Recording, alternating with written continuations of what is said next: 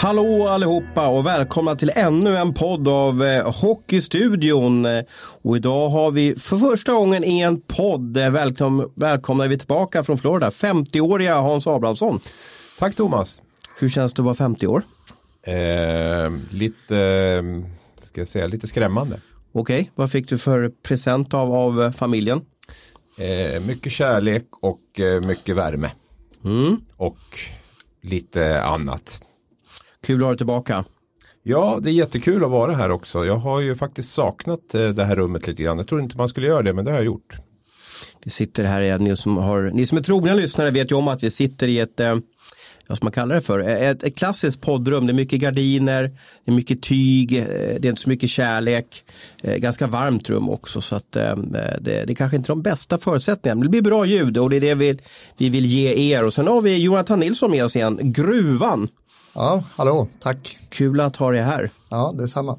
Och vi kör väl igång direkt med, i fredags så var du inkallad extra på Sportbladet för att, eh, vad skulle du bevaka då?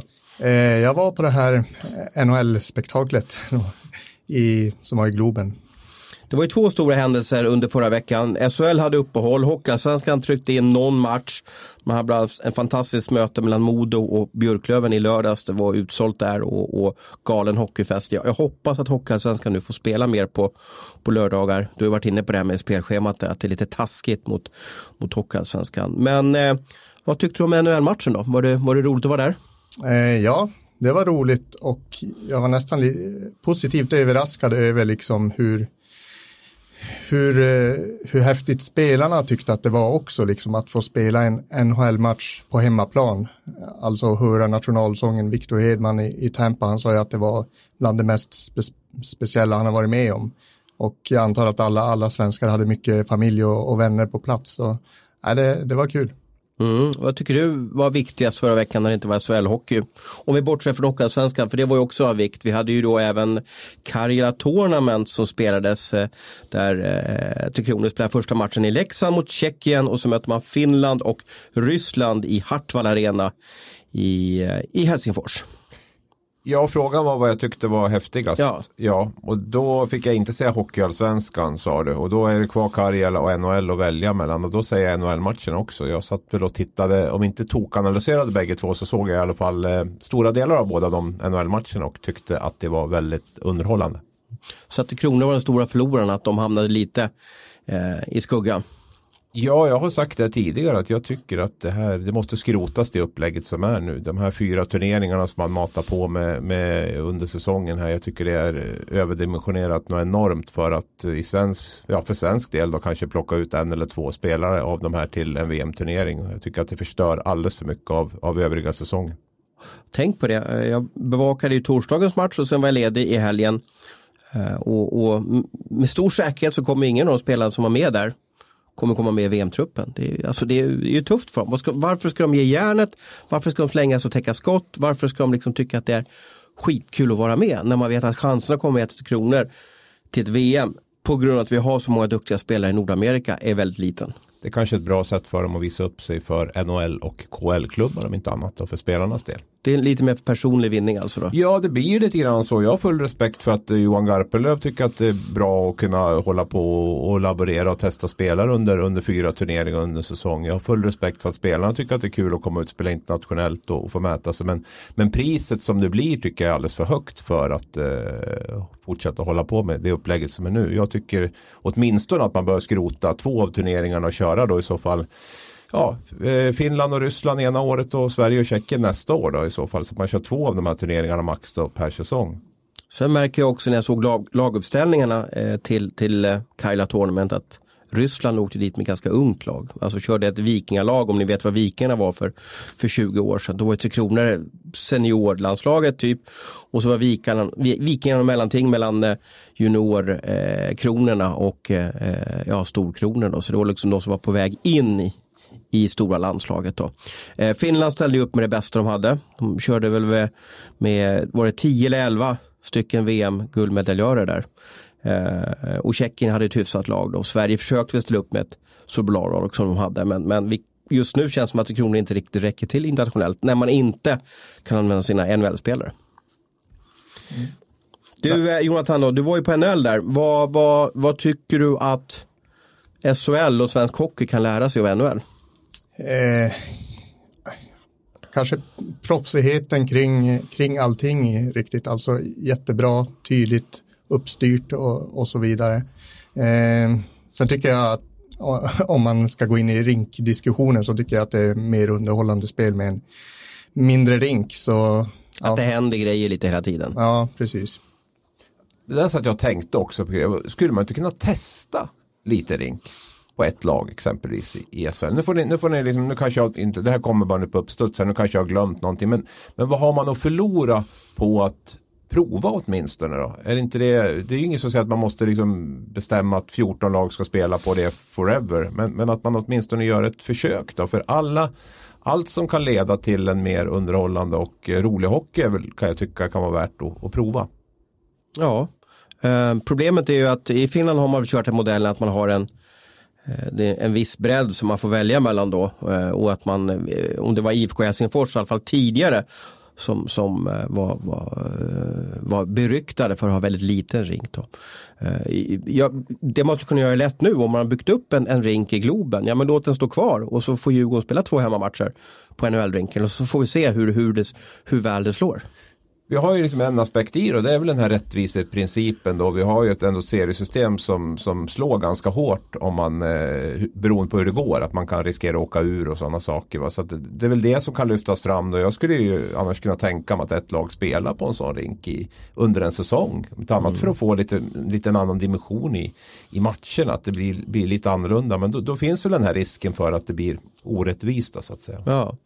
Men, men rätta mig om, om jag har fel, visst har NHL diskuterat att gå upp till stor rink också?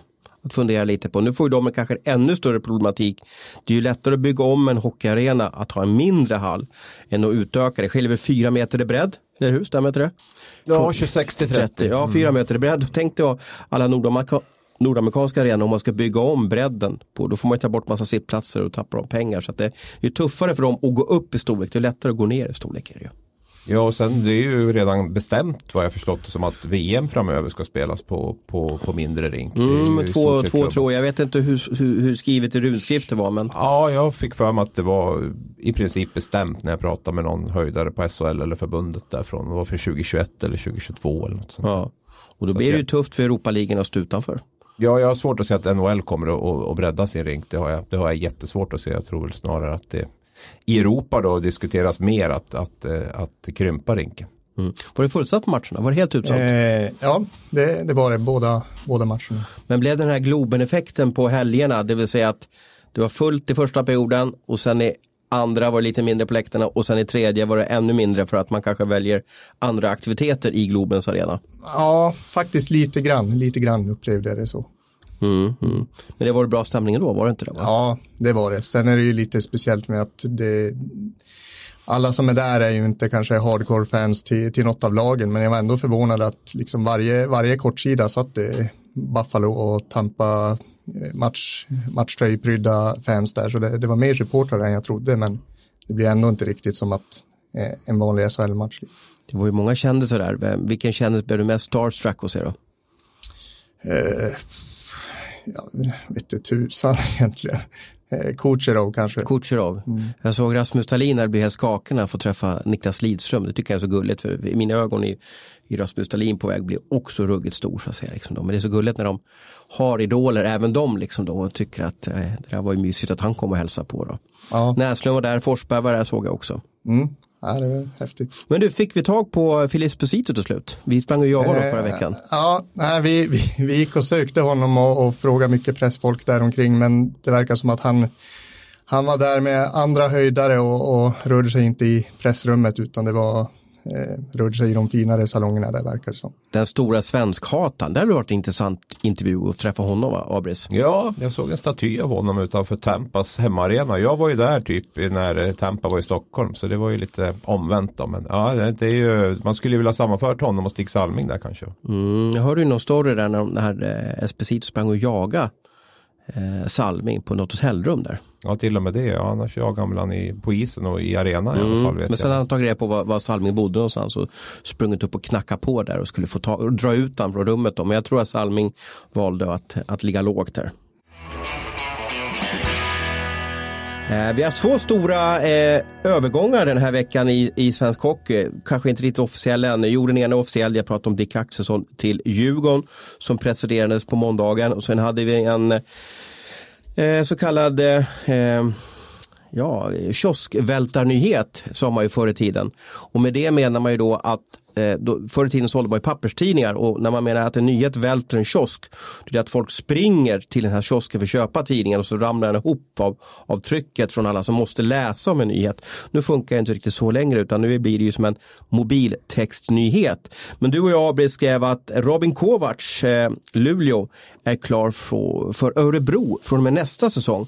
Och, och eh, Vi ska ju inte avslöja några källor och så vidare men ta oss igenom lite, hur gick nyhetsarbetet bakom den här ja, det är ju en jättenyhet som, som vi faktiskt var stolta över att vi hade först.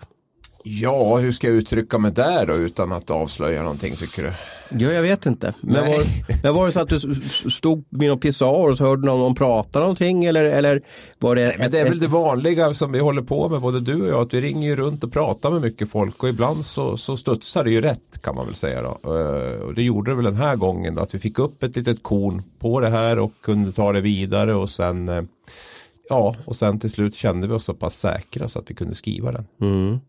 Det jag blev förvånad över det var att det var helt klart, det vill säga liksom redan i slutet av oktober, början av november, att det är klart. Eh, när jag började på Sportbladet för 20 år sedan så var det ungefär Sweden Hockey Games i februari. Det var då, då startskottet gick för silly inför nästa år. Nu upplever jag att det har förändrats väldigt mycket. Att, att Eh, jag vet till och med, eller jag pratade med en sportchef när jag var ute och gjorde en sportchefsresa inför säsongen. Han sa att det finns till och med övergångar som har gjorts klart innan säsongen har börjat för nästkommande säsong. Så att det har nog förändrats ganska mycket där. Ja, alltså det, jag har inte varit med om att avslöja en övergång av den här digniteten. Jag tror ingen övergång alls så här tidigt på säsongen. Och jag märker också av de här tendenserna som du nämner nu att eh, det, det, har blivit, det blir som en liten kapplöpning om det här. Eh, rätt naturligt på ett sätt att man vill vara lite före konkurrenten och då flyttas ju den här gränsen fram hela tiden. Och jag funderar lite grann på vad det här kommer och eh, ja, landa i. För att vi kan ju ta Schweiz då som vi var inne på ett exempel där, där det där är det inte ovanligt att man går ut med pressmeddelanden om att stjärnspelare är klar för en annan klubb nästa säsong redan i oktober-november. I NHL är man ju stenhårda med datumen där man inte får förhandla med spelare för ett visst datum. Det är ju kontrasterna kan man säga. Och sen ligger SHL och puttrar någonstans mitt emellan det här och där det inte finns några tydliga regler och där, där det är fult att göra de här värvningarna tidigt men det är fortfarande tillåtet. Och jag, jag, jag tycker att det finns en ganska stor problematik där. Mm. Vad säger Jonathan då? Ska vi, ska vi liksom slopa ja, vad ska man kalla det för? Ska spelarna få skriva på hur som helst eller, eller ska vi försöka styra upp det som i Nordamerika? Ja, jag, jag, tycker nog ändå att man ska försöka sätta något slags regelverk. Jag vet det finns väl i andra sporter också liksom en, en tidsgräns när, när man får börja prata med, med spelarna i, angående nästa säsong. För att undvika sådana här situationer som, som eh, ja, jag tänker främst på supportrarna. Det, det kan bli jobbigt för dem liksom. Och vi fick lite skit faktiskt, du och jag, för att vi, varför väljer vi att skriva en sån här sak? Var inte det en konstig vinkel från, från eh, supportrar? Ja, samtidigt som man kanske inte tänker de barnen som vi, alltså vad, vad vårt uppdrag är och så, så kanske det kan bli sådana där tankevurper ibland och det, det kan man väl kanske kan vara värt att förklara. Jag, jag hajade väl också till, jag såg någon tweet där det du nämner där man skriver och undrar varför vi, varför vi avslöjar det här och det är ju, det är ju kort och gott det att alltså vårt uppdrag är att skriva det vi vet. Vi kan ju inte ta hänsyn till, vi har ju inga speciella datum när vi får publicera nyheter och vi har liksom ingen, inga åtaganden mot klubbar att vi inte får skriva det ena eller andra utan vårt enda uppdrag är att försöka ge läsarna eh, sann och relevant information så fort det, så fort det bara går. Mm. Och vem är det som ser till att vi kan sätta mat på bordet eh, hemma hos våra familjer. Ja, det är ju våra, det är våra läsare och sen finns det ju Ja, men det är våra arbetsgivare Ja, och, och, ja, de, jo, och de kräver ju att vi är långt framme och har kunskap om vad som händer ja, och sen har vi ju en konkurrenssituation också. Jag menar, vi kan ju, ska vi gå och vänta och så, och så blir vi blåsta på, på, på nyheter då från, från andra som, som skriver om tidigare. Det finns ju en, en klocka som tickar också när man, när man har grejer som gör att man inte kan vänta. Både du och jag är rätt så här schyssta människor egentligen så vi hade väl gärna haft någon sån här eh, datum när vi hade kunnat publicera vår nyhet först. Det hade inte varit något problem Om så. Mm. man får veta att man är först. Ja, man får veta att man är först och att vi fortfarande har mat på bordet och, och våra uppdrags eller våra arbetsgivare är nöjd. Så att, men, men det funkar ju inte riktigt så. Vi har ju liksom ingen sån här eh, det, det är ju en fri marknad så att säga. Så att eh, vi, vi måste ju anpassa oss lite efter det. Så det, är väl, det är väl svaret på den frågan. Mm. Eh, du kommer ju från eh, Norrland. Hur, hur är känslan uppe efter, eh, efter för Robin Kovacs är ju en stor profil i laget. Han är kanske den mest populära spelaren på ståplats där bakom målet. De har varit med någon sång om honom också och så vidare. Va? Vad har, vad har supportrarna för känsla efter det här? Har du läst av någonting på sociala medier eller NSD eller Kuriren eller någonting? Eh, nej, jag har väl bara pre- precis som er följt med i, i flödet och, och jag kan tänka mig att de artiklarna där på, på NSD är bland de mest lästa den här, de här dagarna också, för det verkar verkligen beröra, speciellt när det är en sån publikfavorit. Mm. Gör han rätt Abris? Så skriver på för Örebro. Ja, Ja, man skulle ju vilja veta exakt vad som, alltså hur, hur turen har gått där. Vad, hur, hur heta har Luleå varit på att behålla honom? Vad har man erbjudit? Vad har Örebro erbjudit? Ehm, jag, jag, jag får väl en känsla av att han gärna kanske vill närmare Stockholm och jag kan ju garantera att Djurgården inte är något alternativ och rent, eh, rent eh, geografiskt då så ligger väl Örebro, Örebro bra till.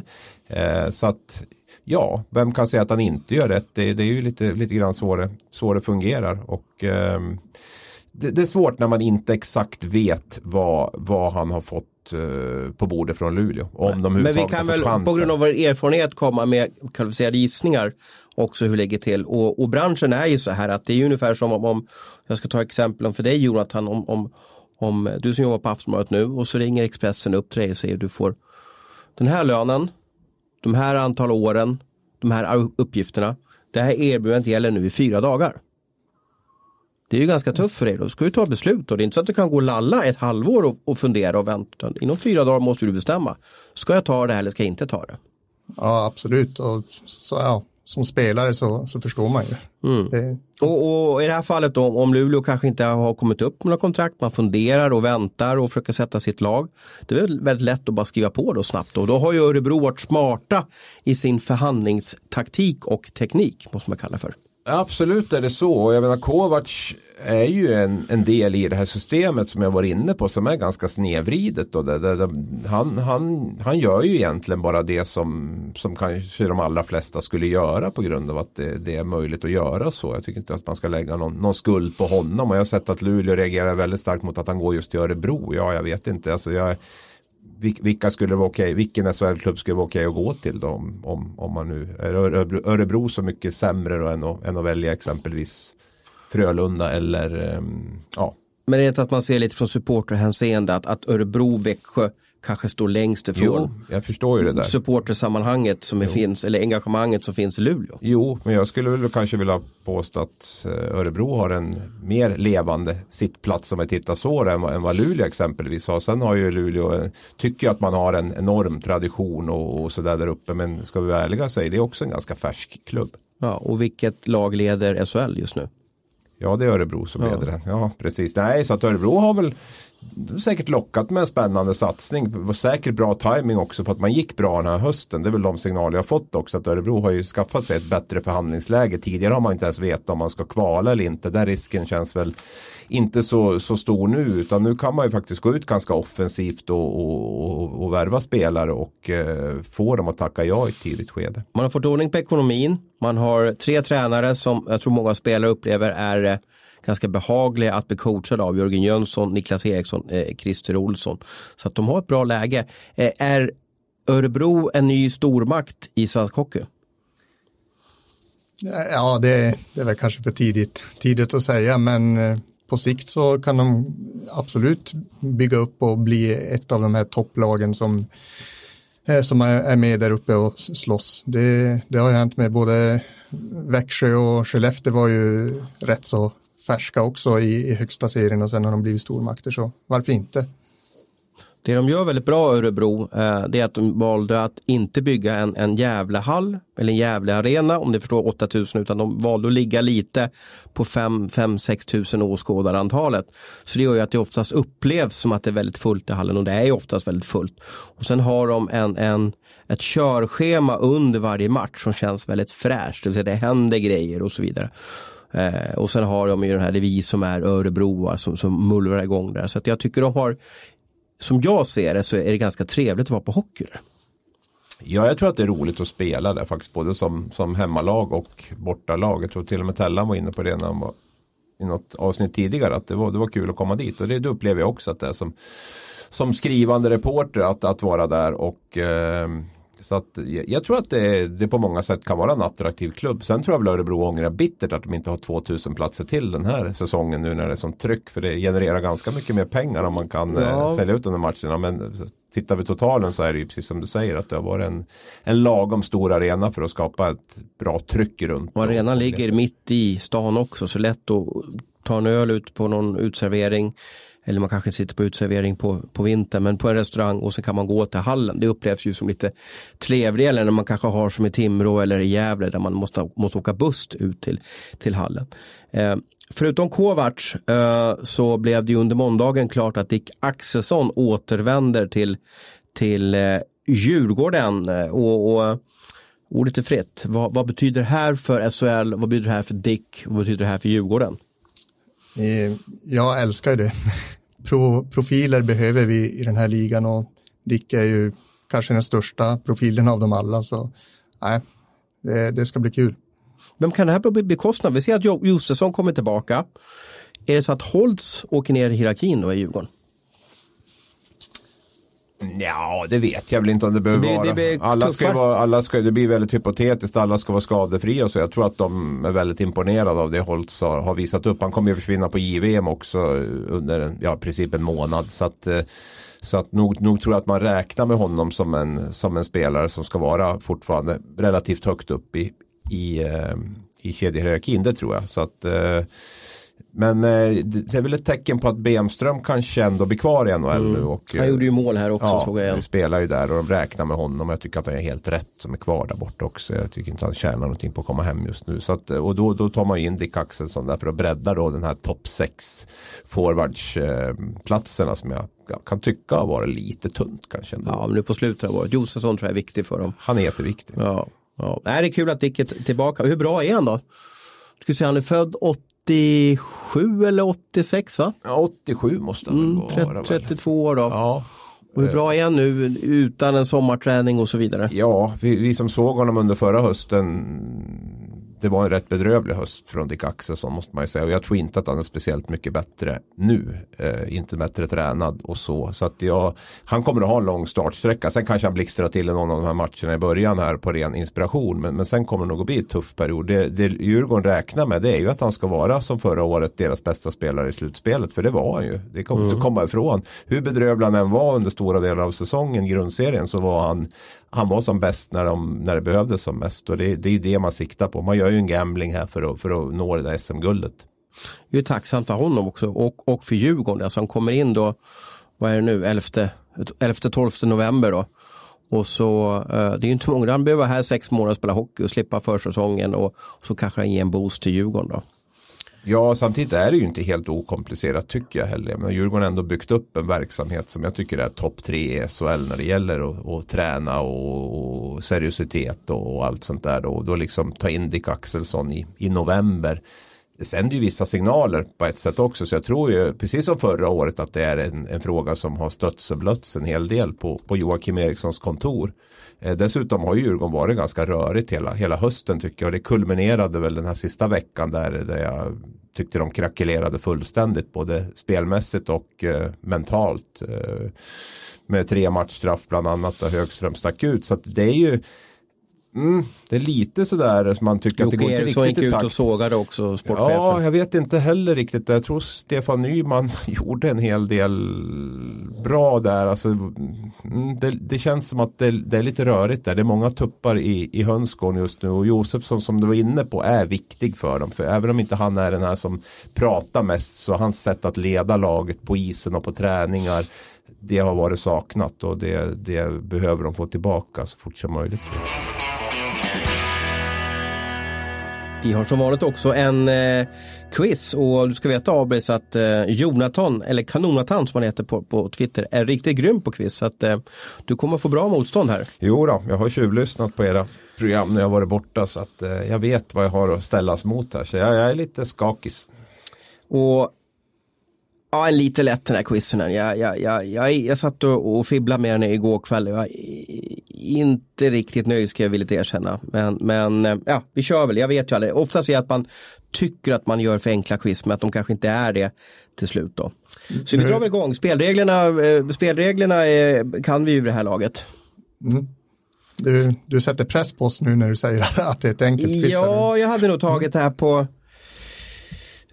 fem eller fyra. Det kan man inte säga om man själv har gjort det. Det Jo, går inte jag- att göra en sån bedömning då. Du har ju själv satt frågorna. Det, går, alltså det är ju Ja, helt... ja, det kanske blir fel. Men jag, för jag har ju också läst ett poäng och då, ja du vet.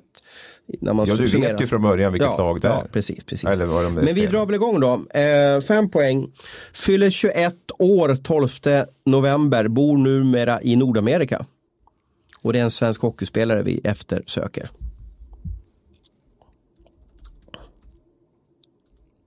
Ja, pass från Jonathan, men det smattrade vid Abris. Ja, vi har fått ett svar här då. Nej, jag måste gå all in. Det är lika bra. Jag blivit lite nervös? amerikaniserad. Ja, ja. jag blivit lite amerikaniserad. Det är bara chansningar hela tiden Ja, nu. det var en chansning faktiskt. Ehm, och nu, nu slog min tanke på, undra om det fler, finns fler spelare av gedigen. Ja men det kommer ju fler eh, förklaringar här då. Men jag har fått ett svar från eh, Abris. Fyra poängsnivån. Karriären startade i Kastbergshallen. Spelaren som vi eftersöker gick senare till Timrå IK. Hej, jag Ryan Reynolds. På Midmobile vill like vi göra opposite of vad Big Wireless gör. De tar you a lot, we charge you a little. So naturally, when they announced they'd be raising their prices due to inflation, we decided to deflate our prices due to not hating you. That's right. We're cutting the price of Mint Unlimited from $30 a month to just $15 a month. Give it a try at mintmobile.com slash switch. $45 upfront for three months plus taxes and fees. Promo rate for new customers for limited time. Unlimited more than 40 gigabytes per month. Slows. Full terms at mintmobile.com. Fan. Den reaktionen kanske förklarar att vi har fått ett felaktigt svar från Abris. Ja, ja, Du behöver ju inte chansen nu om du ska vara taktisk. Nej, om, du men ska, det- vara- om du det- ska vara king shit här. Och, det, det är fegt att och, och vänta. Jag, jag skickar iväg nu. Vi har fått ett svar från eh, Gruvan. Vi går vidare till tre poäng. Eh, mor heter Irene och pappa heter Torbjörn. De är väldigt engagerade i sina barns ishockey. Två poäng. Eh, har en bror som heter Emil. Ett poäng. Tillhör Vancouver Canucks idag. Och eh, den vi eh, letar efter i eh, den här podden var alltså då Elias Pettersson som fyller 21 år den 12 november. Det beror på när ni lyssnar på det här men när vi bandar det så är alltså det imorgon när han fyller år. Så vi får önska stort grattis till er där borta om du lyssnar på det här Elias. Jaha, jag kan ju berätta att vi har fått ett rätt svar och det var ju då från Gruvan. Du svarade Elias Pettersson på fyra poäng, bra gjort. Ja, tack. Det, det eh, utgick från att det var en 98 och sen när Timrå kom där också då.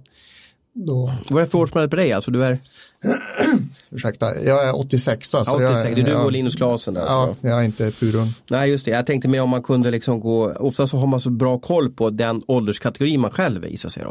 Men då kan vi inte, utan det här var bara en ren gedigen hockeykunskap.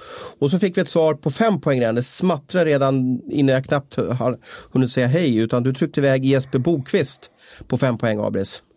Du Ja. måste ju kolla, fyller han den 12 november? För då, då, Nej, nej, han fyller jag ska kolla upp det nu, han fyller den 30 oktober. Jag, jag, alltså jag visste att det var 98 i och med att han var 21 år. Ehm, Och att han fyllde ganska, ganska sent då. Eller skulle fylla i november. Så Mm. jag fick för mig att det var bok. Jag tror inte det var så lätt så att det skulle vara Elias Pettersson. Eh, så att jag tänkte Jag att sa ju faktiskt att jag inte Jo, var nöjd. men jag det har du sagt lätt. jämt. Ja. Och det har alltid varit svårt ändå. Så att, nej, men jag, jag, det var bara ett namn som slog mig direkt. Att han befinner sig just nu i Nordamerika. Så tänkte jag då är det väl chansade jag lite grann där då. Och du har gjort hattrick nu alltså, tre raka segrar. Nybörjartur. Ja, det är bra, skickligt. Nej, det var lite klantigt om att gå, så hårt. Men vad fan, man måste, man måste köra på lite. Och den som är gladast är här kanske, det är kanske Tellqvist, för han får alltså tillgo- tillgodogöra sig kanske ditt poäng idag. Då, så han, han sitter nog hemma på Ingerö och, och jular där. Och jag hade, fick Jonathans de två första va? Så då leder jag med 2-1. Ja, ja, Ja. vi får fundera, vi får dra det ett varv till då. Jag tycker det låter bra. Vi kör på det. SHL omstartar den här veckan efter att ha legat i träda lite. Eh, ja förresten, ni, ni vet om att Malmö drog väg till Medelhavet en vecka eh, på, på, på semestern. De åkte ner till Spanien om jag underrättade. Var, varför gör man det Abris? Varför åker man utomlands en vecka sådär? Jag tycker väl att de har presterat så fantastiskt bra här under hösten. Så att nej, skämt åsido, det har de inte gjort. Så att eh, ja, det är väl för att bygga ihop laget. Jag misstänker väl att det kan ha varit något som har varit planerat sedan länge. Eh, och att man ville fullfölja den planen. Och eh, det gjorde man väl även på Percys tid. Där, och åkte till hans eh, Golfklubb där. golfklubb där i Spanien. Så att I man alla fall att vill... fira gulden då. Ja, det var kanske med det, det stämmer. Eh, nej, men det är väl helt enkelt för att, för att kunna köra lite bra. Jag misstänker att de har fy, kört fys där nere, eh, byggt laget och eh, kommer hem lite, kommer ifrån den miljön de alltid är i och eh, tror att det kan vara, vara en bra väg. Jag vet inte om de har haft tillgång till en ishall där heller. Jag har inte riktigt följt med i Malmös Spanienresa. Nej, precis. Nej, jag reagerar lite om de ska åka iväg en vecka. För man brukar ju vara ledig då. Om man spelar sista matchen på lördagen då. Så brukar man vara ledig kanske måndag, tisdag och sen trampar man bort onsdagen och brukar ha en lagfest där på lördagskvällen efter sista matchen. Och så är man ledig någon dag då. Men en vecka så där fascinerade mig lite att de kunde dra iväg då.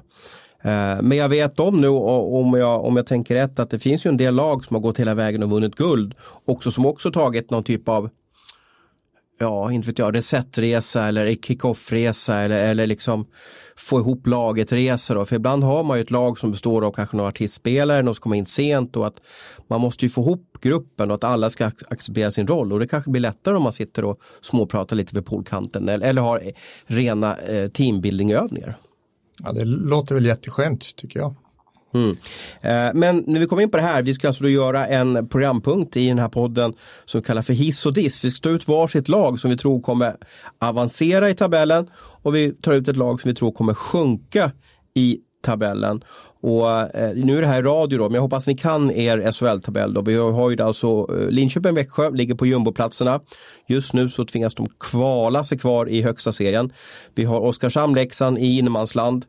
Och vi har Brynäs, Malmö, Djurgården, Skellefteå i eh, eh play-in eller i åttondelsfinaler. Sen har vi HV, Luleå, Färjestad, Frölunda, Rögle, Örebro på plats 6 till 1. Örebro leder alltså serien. Och du ska få förmånen Abris, jag ska inte ta ut laget själv utan du ska få börja med din hiss då. Jaha, jag trodde jag, jag trodde jag skulle få vara sist här så jag tänkte då ska jag ta ett som inte ni har tagit då för jag utgår från att ni kommer ta ett annat lag men då står jag väl fast vid mitt val. Då säger jag hiss på Djurgården. Okej, på grund av Dick-effekten. Ja, mer för att de ligger åtta så det är ganska hög eh, förbättringspotential där. Så jag säger att de spekulerar att de går upp till trea, fyra så kommer de i alla fall att, att lyfta en tre, fyra placeringar. Jag tror väl att när de får tillbaka Josefsson där så eh, det finns lite mer att ta tycker jag av det laget också. Bara att de får snacka ihop sig lite grann och komma fram till eh, ja, vilken väg de ska gå och hur de ska, eh, vilket ledarskap de ska ha på isen och så vidare. Mm, ja, bra. Och så har Ja- Jason Garrison har kommit in till laget också så det blir som ett Precis. nyförvärv. Ja. Man har också tre avstängda spelare som kommer tillbaka så att, så att eh, de har ganska många nya spelare. Och plus då Dick Axelsson som kommer in till laget. Då. Eh, vad har du tagit ut Gruvan? Eh, ja, inte jätteoväntat svar kanske, men Växjö tror jag kommer plocka, plocka mest placeringar.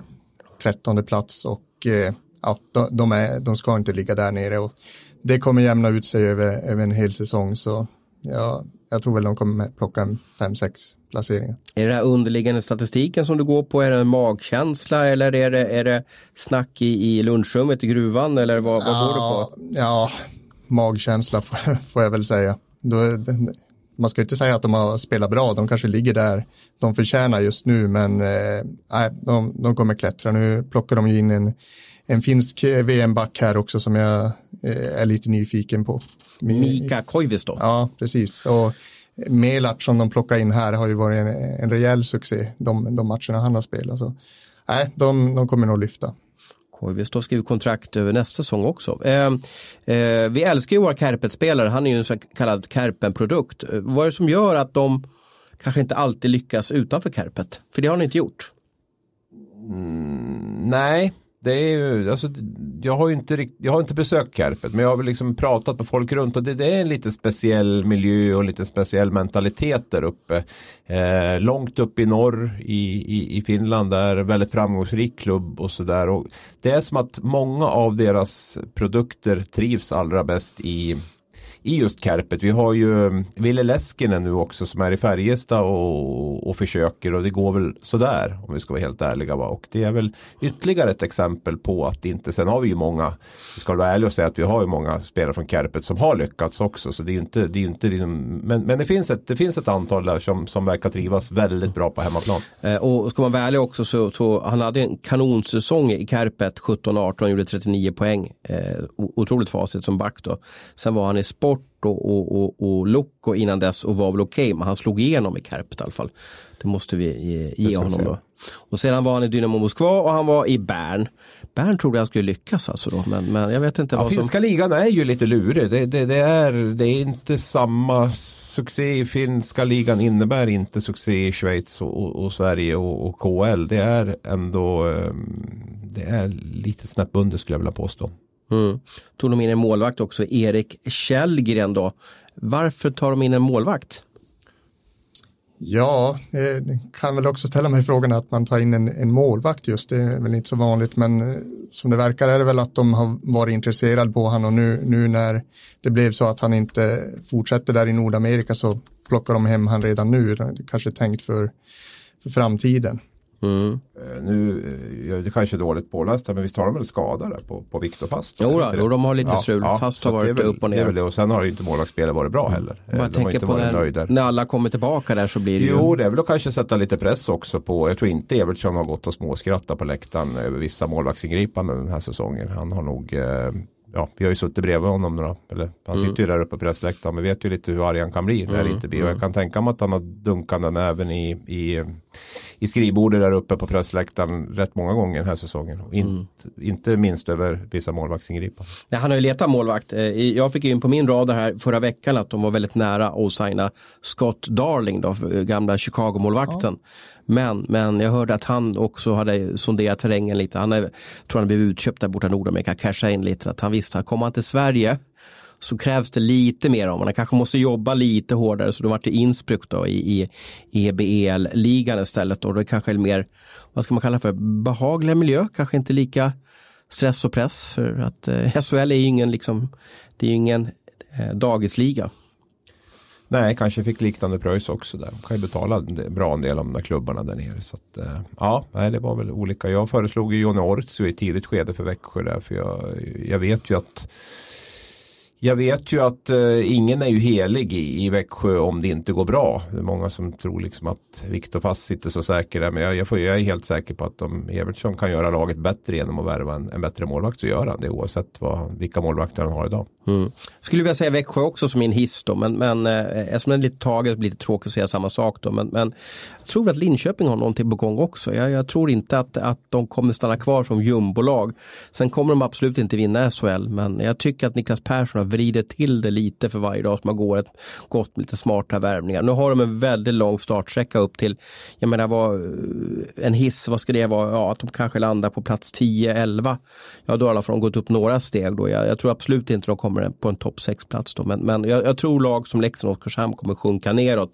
Och det innebär naturligt att, att Eh, att Linköping och Växjö går upp. Växjö ser lite starkare ut tycker jag på pappret och, och vi kan vår Evertsson. Han, han, nu tryckte han bort Bernhard in, in med en, en, en finsk VM-guldback och så vidare. Det finns lite resurser, det finns lite handlingskraft i Växjö som är, som är enorma.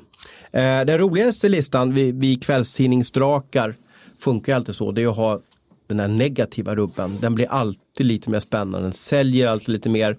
Den klickas alltid lite mer. Och, och Jonathan, du ska ju få förmånen att ta ut vilken tro, lag tror du eh, åker neråt tabellen? Vilket lag blir liksom sänket resten av den här säsongen? Eh, laget vi har hyllat här, Örebro. Jaha, okej. Okay, ja. ja, de, de, kan ju inte, de kan ju inte bli en hiss mer utan de kan ju bara bli en diss då. Ja exakt och det är väl det som, som eh, ligger dem i, i fatet. Eh, jag tror väl att eh, eh, över en säsong så de kommer inte ligga topp tre utan de kommer väl sjunka ner till eh, ja, topp sex. Absolut, det tror jag. Men jag tror ändå lag som Frölunda, Färjestad och kanske Luleå också kommer, kommer smita förbi och sen ja, Rögle. De eh, de ligger tvåa nu men eh, jag tror ändå de slutar högre än Rögle i slutändan. Mm, mm, bra, bra förslag, men det är ju så, de kan ju bara gå till ett håll också, Örebro. Eh, vad, vilket lag tycker du, eller tror du, eller vilket lag analyserar du Abris blir ett sänke som får jobbiga eh, matcher framöver här? Ja, jag trodde jag skulle få börja här också, men det fick jag inte. Nej, jag har faktiskt Örebro också. Okej, okay. mm. om du utvecklar det, ditt resonemang där?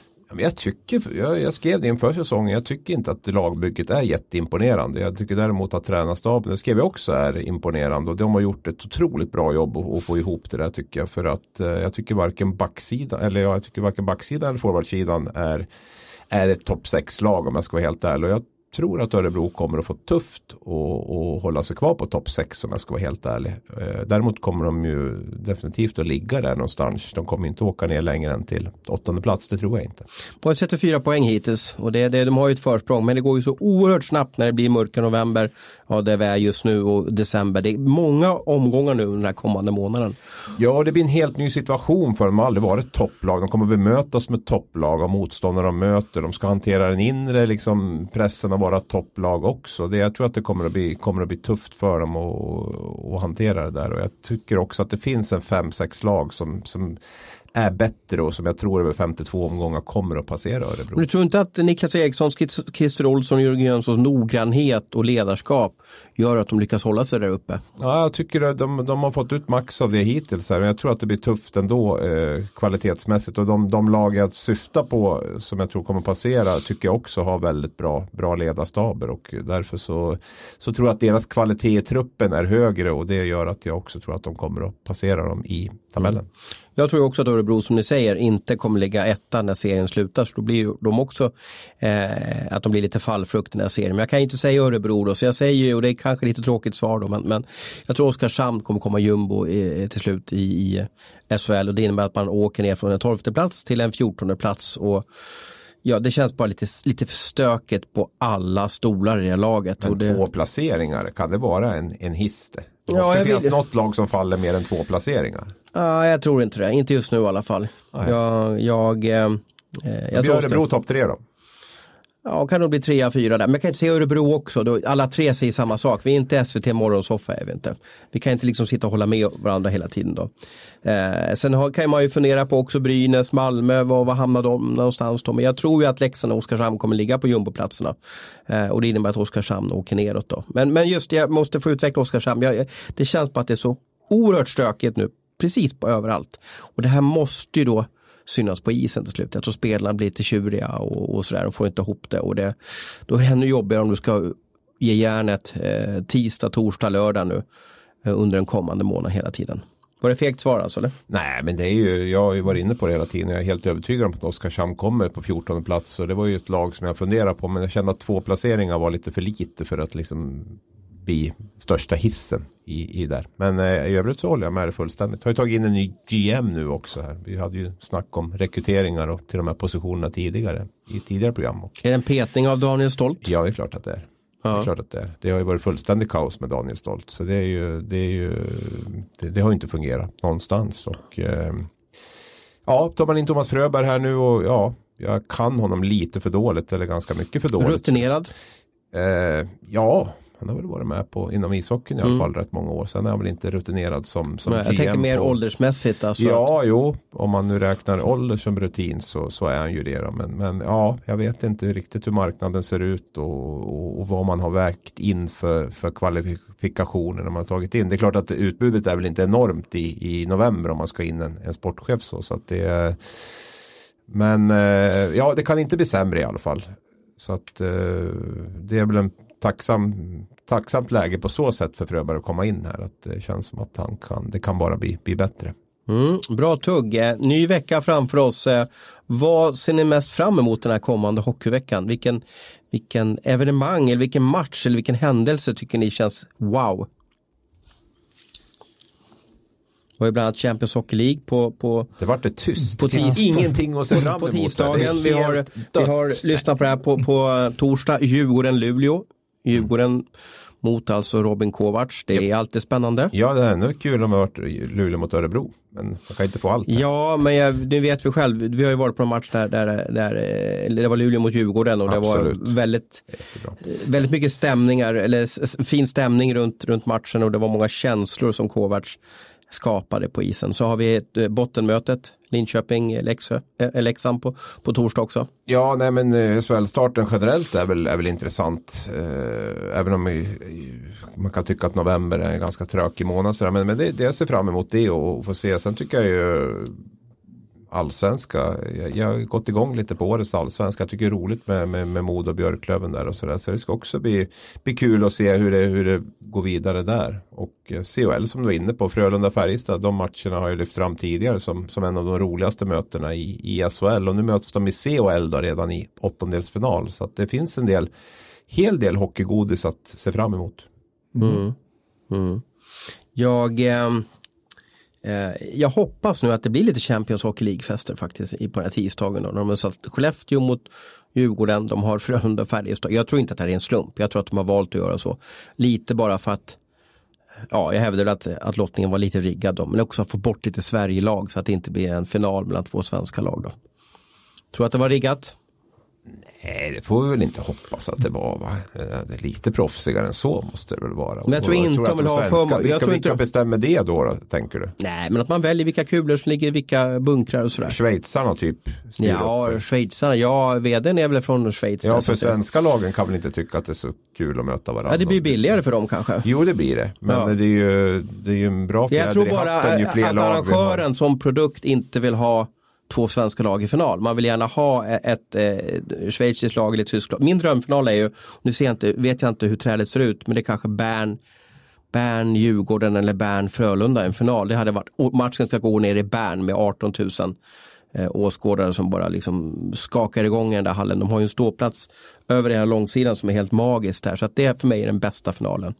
In, jag vill inte ha Frölunda, eh, ja vad ska man säga, Frölunda, jag vet inte, ja, bara ett lag med Frölunda i alla fall. Frölunda ska inte gå till final i år i alla fall. Har du emot Frölunda då? Ja, nej. ja, om de möter Bern så får de gå till final i alla fall. Jag tycker Frölunda har väl satt färg på den där turneringen. De har ju liksom verkligen, jag tycker de är värda den finalen som de Jo men de har ju det ju hela året. tiden, det är ju år ut och år in. Ja. Ja, men är man bäst så, så är man ju det. Eh, Nej, och de tror ju, de, de har gjort det bra i Champions Hockey League. Då. Men jag ser helst i alla fall att ett lag utifrån Sverige möter ett svenskt lag. Då blir det som bäst tryck runt Champions Hockey League. ja, i alla fall här i Sverige då. Mm.